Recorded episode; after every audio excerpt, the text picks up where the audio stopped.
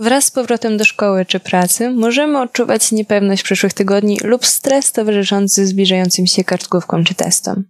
Czym tak naprawdę jest to uczucie, które nam towarzyszy i jaki ma on wpływ na sen? Podobnie jak bezsenność, stres można powiedzieć ze względu na czas jego trwania. Ostry stres to krótkotrwały i najczęściej związany z jedną specyficzną sytuacją. Epizodyczny stres występuje wtedy, kiedy te jedne pojedyncze sytuacje się nakładają lub często powtarzają. Przewlekły stres jest długotrwały i jest zwykle na skutek traumy lub innych doświadczeń oddziałuje na psychikę i wydolność człowieka.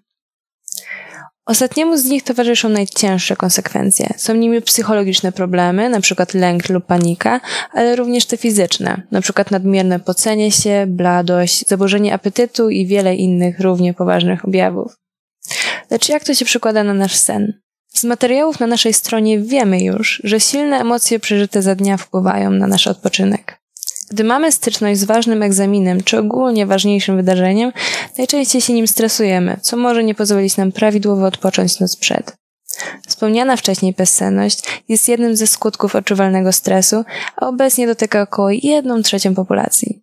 Nieodpowiedni odpoczynek dodatkowo dokłada do uczucia stresu, pogarsza naszą pamięć i koncentrację. Jak zatem możemy sobie poradzić z tym niepokojem? Jest na to parę sposobów. Za dnia możemy oczywiście poćwiczyć, spróbować jogi czy medytacji w celu dania upustą swoim emocjom, ale pomimo tego, że aktywność fizyczna pozytywnie wpływa na nasze zdrowie, musimy pamiętać o prawidłowej higienie snu. Oto kilka jej reguł. Po pierwsze, stworzenie i trzymanie się wieczornej rutyny. Po drugie, odpowiednie przygotowanie swojej sypialni. Tutaj mamy na myśli temperaturę, czy materac jest wystarczająco wygodny i czy jest zgaszone światło. Po trzecie, odłożenie urządzeń elektrycznych minimum dwie godziny przed snem. I po czwarte, niespożywanie napoi energetycznych, kawy czy alkoholu przed snem. Pamiętajmy jednak, że przewlekły stres jest źródłem wielu poważnych chorób i wymaga konsultacji ze specjalistą.